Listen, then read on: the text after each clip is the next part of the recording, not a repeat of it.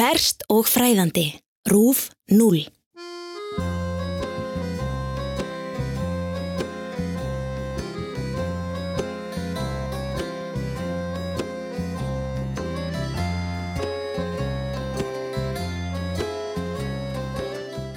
Það er farið að líða að kvöldi og myrkrið fer að skella á. Það er komið langt fram í november og þá er dagurinn ekki langur í Noregi. Í Bergen er ungur maður á heimleið úr stuttri fjallgöngu í Ísdalnum í nákrenni borgarinnar. Ísdalurinn liggur frá stöðu vatni í útjæðri Bergen sem nefnist Svarta díki og upp að rótum Ulriken sem er hæst og tignarlegast þeirra sjö fjalla sem umkringja borgina. Dalurinn er vinsælt útvistasvæði fyrir bergenbúa. Hlýðar dalsins eru þjætt skói vaksnar en um hann allan leikja göngustígar og gönguleiður upp á fjöllin í kring. Þarna í rökkrinu mætir fjallgöngumadurinn ungri konu á göngustígnum. Hún er svartærð og dökk yfirlitum, lagleg, glæsilega klætt eins og hún hafi ætlað sér að fara út á lífið en ekki upp á fjall. Þegar hún nálgast sér fjallgöngumadurinn að hún verðist vera skelvingu lostin á svipin. Andlit hennar er afskræmt af óta. Þegar þau mætast á stíknum opnar hún munnin eins og til að segja eitthvað en þá hasta á hana tveir frakkaklættir menn sem fylgja fast á eftir henni. Menninni tveir eru líka dökkir yfirlitum. Ungi maðurinn gerir ekkert. Hann haskar sér burt og lítur ekki tilbaka. Hann er sjálfur gripin skjelvingu. Það er eitthvað hræðilegt á seiði á fjallinu í kvöld, segir hann við félagasinn þegar hann kemur til byggða. En félagi hans segir honum að hafa ekki áhyggjur, gleima þessu bara.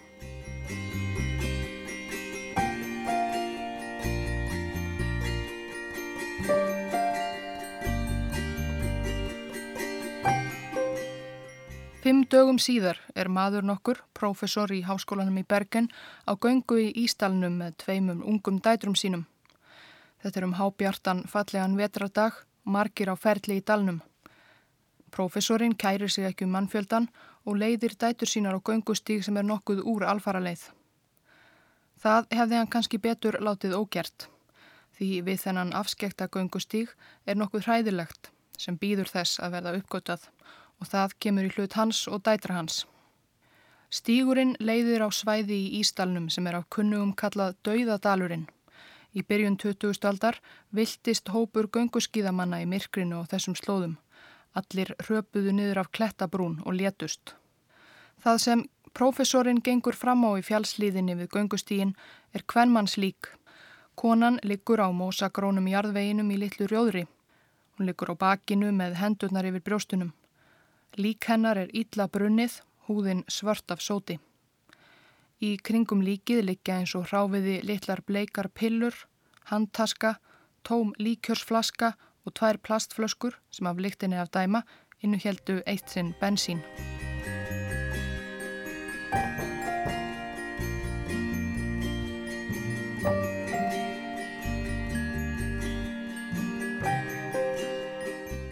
Atburðir þeir sem hér var líst gerðust árið 1970.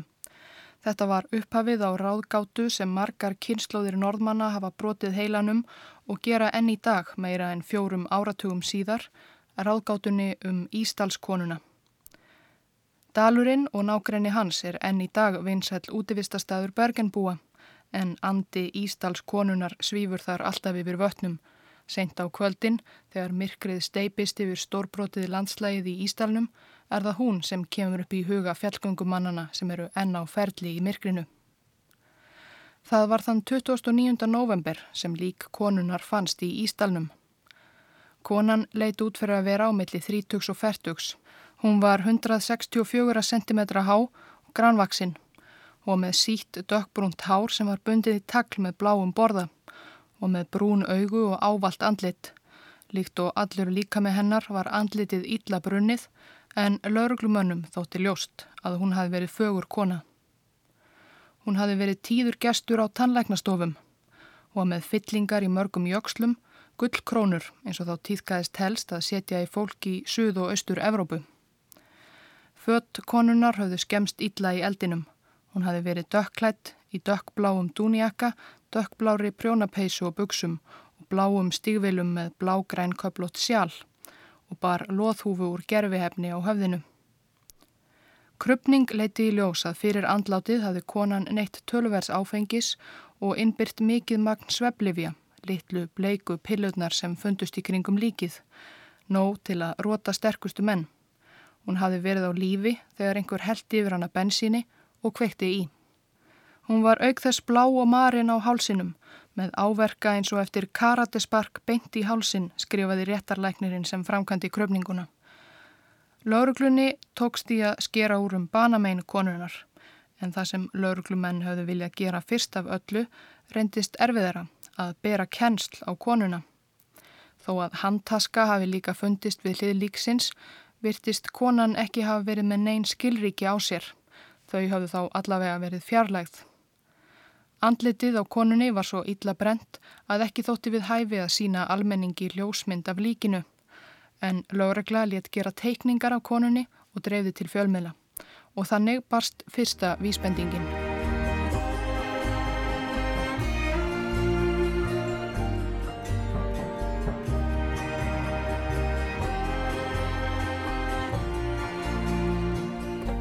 Það var starfsmæður í móttökunni á Hotel Hordaheimen í miðborg Bergen sem fyrstur kannadist við konuna og hafði samband við lauruglu. Hún hafði gist á hotellinu í nokkra nætur fyrir um viku síðan. Konan sem tjekkaði sig inn á Hotel Hordaheimen hétt Elisabeth Lenhauer, 24 ára gömul frá Belgíu. Hún framvísaði skilríkjum þess efnis í móttökunni og skrifaði undir í gestabókina en þegar lauruglumenn í Bergen fóru að grenslast fyrir um hérna belgísku Elisabethu Lenhauer ræk þá í tómt. Elisabeth Lenhauer virtist ekki vera til og hafði aldrei verið til. Þetta var falsta nafn. Lauruglan var farin að gera sér grein fyrir að hér var eitthvað mjög, mjög dularfullt á seiði. Á næstu dögum og vikum grand skoðuðu lauruglumenn gestalista norskra hótela, ekki bara í Bergen heldur víðar og líka í útlöndum.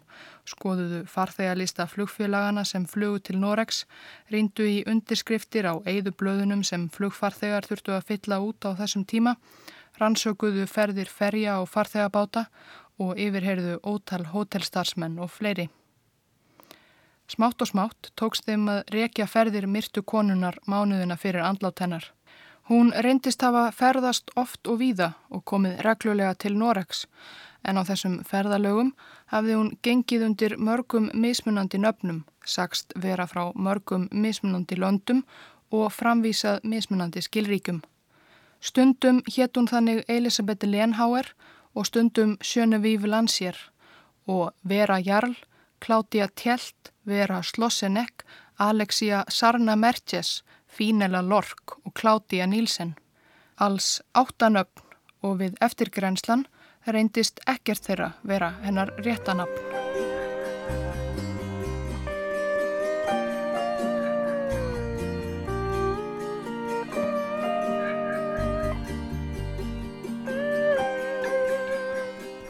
Þann 20. mars 1970 Um átta mánuðum áður en hún fannst látin í Ístalnum í Bergen flög konan frá Genfísvis til Oslo. Hún tjekkaði sig inn á Hotel Viking, stærsta hótelborgarinnar sem var byggt fyrir vetararolimpíuleikana 1952 undir nafninu Sjönuvíf Lansér. Hún gisti í fjórar nætur.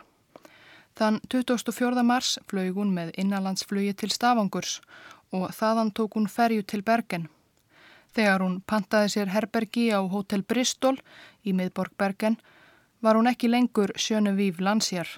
Nú hétt hún Klotja Tjelt.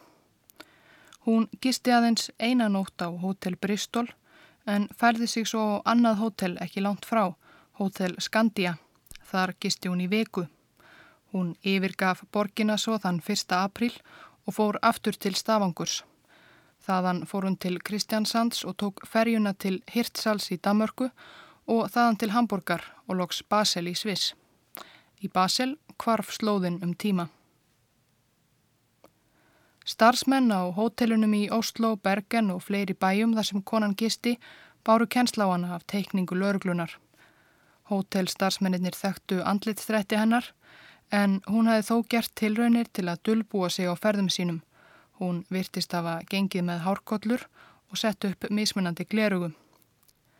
Þessir sjónarvottar sögust hafa heyrtan að tala fjögur tungumál, frönsku, þísku, ensku og hollensku.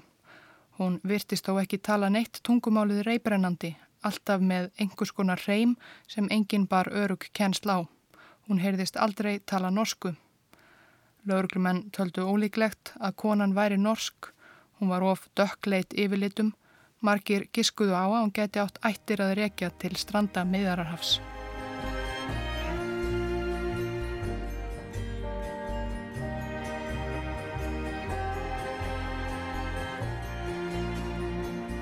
Frá því byrjun apríl þegar Ísdals konan fór frá Bergen og allarleið til Basel spurðist ekkert til hennar í sex mánuði. Lauruglu tókst ekki að komast að því hvar hún dvaldi þetta hálfa ár, hvort hún helt áfram að ferðast eða varum kyrt í Sviss. En þann 3. oktober dúkaði hún upp í Stokkólmi. Þaðan ferðaðist hún til Oslo og síðan til Uppdals, bæjar á þjóðveginum millir Lillehammer og Þrántæms í fjöllum söður Þrándalaga. Í Uppdal búa um 6.000 manns. Ísdalskonan gisti í eina nótt á Uppdal Túristhótel við Játbrytarstöðina, eina hóteli bæjarins. Aftur kvarf svo slóð hennar, en bara í nokkrar vikur í þetta sinn. Nóttina 22. oktober gisti hún á hótel Aldóna, ódýru hóteli í tíundakörfi Parísar. Hún notaði nafnið Vera Slossenek og saðist vera frönsk. Af einhverjum ástæðum skipti hún síðan um hótel, þó hún væri áfram í París. Næstu nótt og næstu fjórar nætur þar á eftir gisti hún á mun dýrara hóteli í miðborginni. Þetta var ekki í fyrsta skipti sem hún flutti sig um milli hótela í sömu borginni eftir eina nótt og ekki það síðasta heldur, þótt hún ætti þá aðeins rúman mánuð eftir ólifaðan. Kvöldið 29. oktober flög hún með SAS frá París til Stavangurs og fór þaðan áleiðis til Bergen. Hún gisti í sex nætur á Hotel Neptún í miðborg Bergen undir nafninu Alexia Serner Merches frá Ljúbljana í Júgoslavíu. Starsmaður á Hotel Neptún myndist þess að einn daginn hafi Alexia Serner Merches átt í samræðum við Karlmann í andir í hotelsins. Annars gáttu hotelstarfsmenn lítið sagt lauruglu um hvað konan hafi aðhafst alla þessa daga sem hún dvaldi í Noregi. Hún helt sig útaf fyrir sig virkaði á starfsmennina eins og veraldarvöðun ung kona, varkár, kannski örlítið hrókafull. Hún notaði mikið og óveinulegt ilmvatn. Jú, svo var það eitt atriði sem fleiri en einn starfsmaður í móttökum þeirra fjölda hótela sem konan gisti á í Noregi revjaði upp í yfirheyslum lauruglu. Oftar en einu sinni bað hún um að fá að skipta um herbergi á hótelinu. Ástæðan var að hún vildi alls ekki gista í herbergi með svölum. Engin spurði hana hvers vegna. Það er jú hlutverk hótelstarsmanna að verða við hvers konar dindum gesta sem þessum. Frá Bergen fór Ísdalskonan til Þránteims þar sem hún gisti tvær nætur á Hotel Bristol sem vera jarl frá Antwerpen. 9. november held hún til Oslo og þaðan til Stavangurs. Í tíu nætur fram til 18. november gisti hún á hotelli sem nefnist Sankt Svítún Það er eitt af undarlegustu hótelum Stafangurs. Það er hluti af háskóla sjúkarhósi borgarinnar í nokkuri fjarlæð frá miðborginni. Hótelherbergin eru fyrir um sjúkrastofur og mótökur sjúklinga og hótelgesta eru í sama salnum. Þessar tíu nætur sem Ísdalskonan gisti þarna gekk hún undir nafninu Fenela Lork. Þann 18. november tekkaði Fenela Lork sig út af sjúkrahótelinu í Stafangri og fór með ferjunni til Bergen. Bátsferðin tekur um fjóra tíma. Eftir komuna til Bergen fekk hún sér herbergi á Hotel Rosenkrantz í Bryggjukverfinu. Þá var hún ekki lengur Fenela Lork. Þarna var hún orðin að Elisabetu Lenhauer sem sagðist vera frá Belgíu. Elisabeti Lenhauer gisti einanótt á Hotel Rosenkrantz. Síðan færði hún sig yfir á Hotel Hortaheimen hínum megin við vógin. Þar fekk hún herbergi 407. Það var starfsmæður Hotel Hortaheimen sem fyrstur hafi samband við laurugluna en starfsmenn hotelsins urðu annars ekki mikið varir við Elisabetu Lenhauer. Hún held sig mikið inni við í herberginu sínu, fór ekki oft út. Þegar hún gerði það virkaði hún tauga á styrk, varkár, eins og hún ætti vona á einhverju íllu eða engverjum. Á mánudaginn 23. november tjekkaði Elisabeth Lenhauer sig út eftir fjögur að daga tvöl í herbergi 407 á Hotel Hordaheimen. Hún borgaði með peningum og bað starfsmannin í móttökunni að ringja á leigubíl fyrir sig. Skömmu síðar settist Elisabeth Lenhauer inn í leigubílinn fyrir utan Hotel Hordaheimen og kvarf. Þetta var síðasta heimsókn hennar til Bergen. Seks dögum síðar fannst lík hennar í Ístalnum fyrir utan borgina.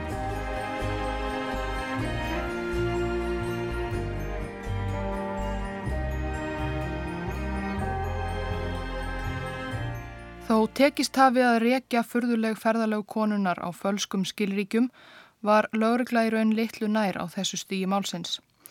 Málið varð einungi stularfyllra og dularfyllra. Hver var þessi kona í raun? Hvaðan kom hún og hvað gæti útskýrt ferðir hennar þvers og krussum Noreg og Evrópu? Skömmu síðar gaf vittni sig fram og saðist hafa séð konu sem líktist teikningunni í dagblöðunum á aðaljáttbröðastöðinni í Bergen eftir miðdægin 23. november. Sama dag og hún tjekkaði sig út af Hotel Hortaheimen og kerði burt um borði leigubíl. Vittnið saðist hafa séð konuna koma tveimur ferðartöskum fyrir í farangurshólfi á stöðinni. Lóregla fann fljótlega rétta hólfið og mikið rétt þar inni lendust tvær ferðartöskur. En hafi lauruglumenn gert sér vonir um að töskutnar mynduloks varpa einhverju ljósi á ráðgátuna og vísa þeim jafnvel á morðingjan, þá urðu þeir fyrir vonbreyðum. Í töskunum voru aðalega fött, hvern manns fött, en af hverri einustu flík hafðu allir merkimiðar verið kliftir af eins og einhver hafi viljað leina því hvaðan föttin væru. Sömu sögu var að segja um aðra hluti í töskunum Á krukku af livseðiskildu húðkremi hafði miðin með nafni læknis og sjúklings veði rifin af. Búið var að þurka öll fingraför af töskunni. Aðeins eitt fingrafar fannst á endanum á glerögum í annari ferðartöskunni. Það var fingrafar Ístalskonunar. Í töskunni fannst líka skrifblokk sem í voru skrifaðar runur af tölum og bókstöfum. A23, A29F 24M31MB, J1, J7N og svo framvegis. Lauruglumenn botnuðu í fyrstu ekkert í þessu en svo settu dullmál sérfræðingar fram þá kenningu að þetta væru dullkóðaðir listar yfir flug og ferjuferðir og önnur ferðalög konunar. En hvers vegna var hún á þessu stöðuga ferðalagi? Var hún á flóta og undan hverjum?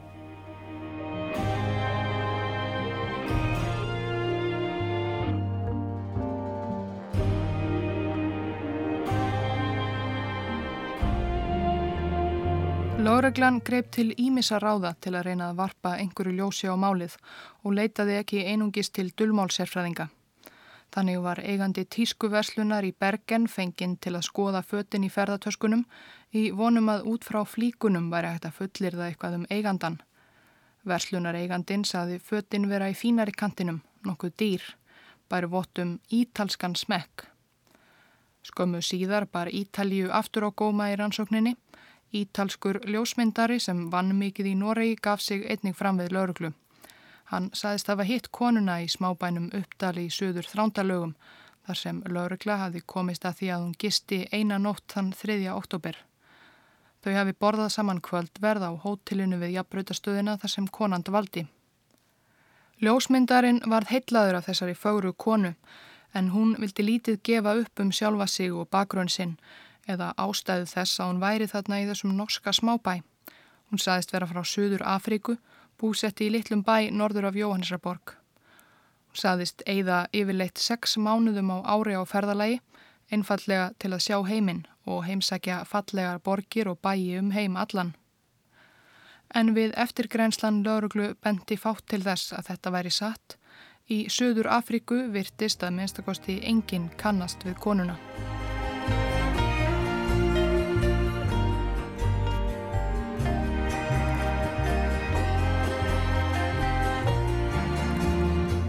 Ráðgátanum Ísdalskonuna minnir óneitanlega nokkuð á annað dölarfullt mál sem diggir hlustendur leðurblökunar kannast eftirvill við. Sumarið 1948 fannst lík Karlmanns á ströndinni í rólegum strandbæ skamt frá Adelaide í Ástralíu. Maðurinn hafði dáið af völdum einhvers konar eitrunar en ástrálsku lauruglunni reyndist ómögulegt að bera kennsla á hann. Hann var ekki með neyn skilríki og enginn kannaðist við hann. Síðar fannst ferðataska sem talið var að hafi tilhert manninum í farangurshólfi á aðalbröytarstöðinni í Adelaide. Allir merkimiðar höfðu verið fjarlægðir af fötunum. Í fórum hans fannst einnig miði sem ávoru rítuð skilaboð á dullmáli. Málið er enn óleist en margir telja að það geti tengst njóstnastar sem í kaldastriðinu.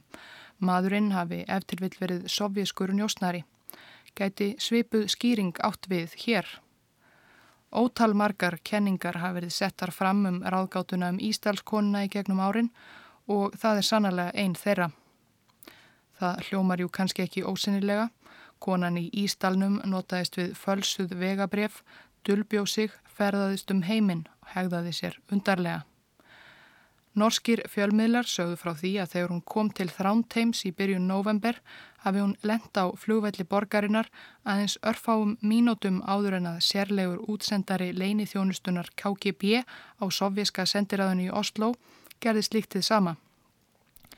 Útsendarin var ekki lengi í þránteimi. Hann flög tilbaka til höfuborgarinnar strax um kvöldið. Norsk yfirvöld fengu ekki að vita ferðalagi hans fyrirfram. Átta árum áður en lík konunar fannst í Ístalnum færði norski sjóherin bækistöðvar sínar úr Oslofyrði á nýja gríðarstóra herstöði í Håkonsvern, aðeins um 15 km suðu vestur af Bergen. Håkonsvern var og er stærsta sjóherstöðin á Norðurlöndunum, þar vinna þúsundir manna. Skip norska sjóhersins líka þar við höfn og stöðin er líka tíður viðkomistæður herskipa frá bandaþjóðum Noregs.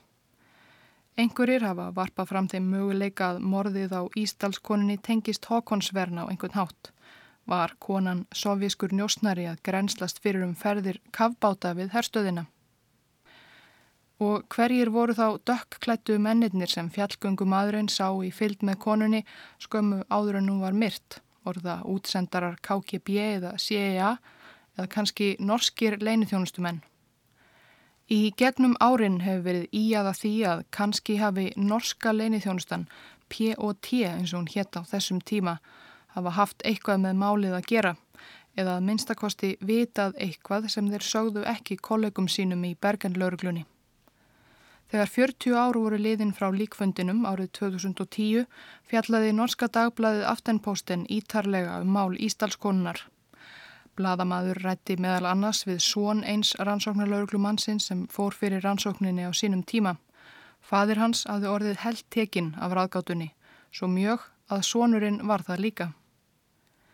Sónurinn sagði að þó lögreglann hafi komist að því að konan ferðaðist um Sviss, Frakland og fleiri Evrópulönd og hafi líklega ekki verið norsk, hafi þeir ekki getað fyllt slóð hennar erlendis. Leini þjónustan P.O.T. hafi einfallega bannað lögreglunni í Bergen að beina sjónum sínum til útlanda í rannsókninni. Sónur rannsóknarlauglumannsins sagði að fadir sinn hafi haldið að P.O.T. bannaði það vegna þrýstings frá CIA í bandaríkunum. Í sömu grein sagðist bladamæður Aftenposten hafa heimildir fyrir því að hátt settur liðsmæður P.O.T.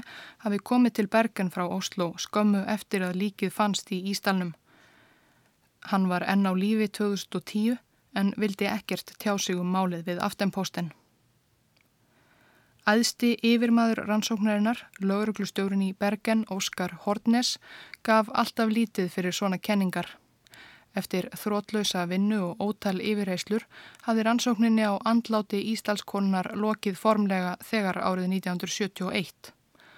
Hortnes lísti því þá yfir að í raun hefði ekkert sagnæmt átt sér stað. Konan hafði fyrirfarið sér með því að taka inn stóran skamt af svefnlifjum þarna í skójivaksinni fjálsliðinni. Til öryggis hafi hún síðan held yfir sig bensíni og kveikt sjálf í sér.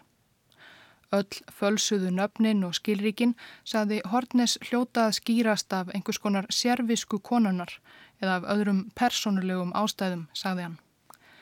Í lok bladamannafundarins þvert tók Hortnes sérstaklega fyrir að norska leinithjónustan hefði haft nokkuð með málið að gera. Þegar bladamadur Aftenposten hafði samband við Hortnes fjórum áratugum síðar, vildi hann heldur ekki tjá sig.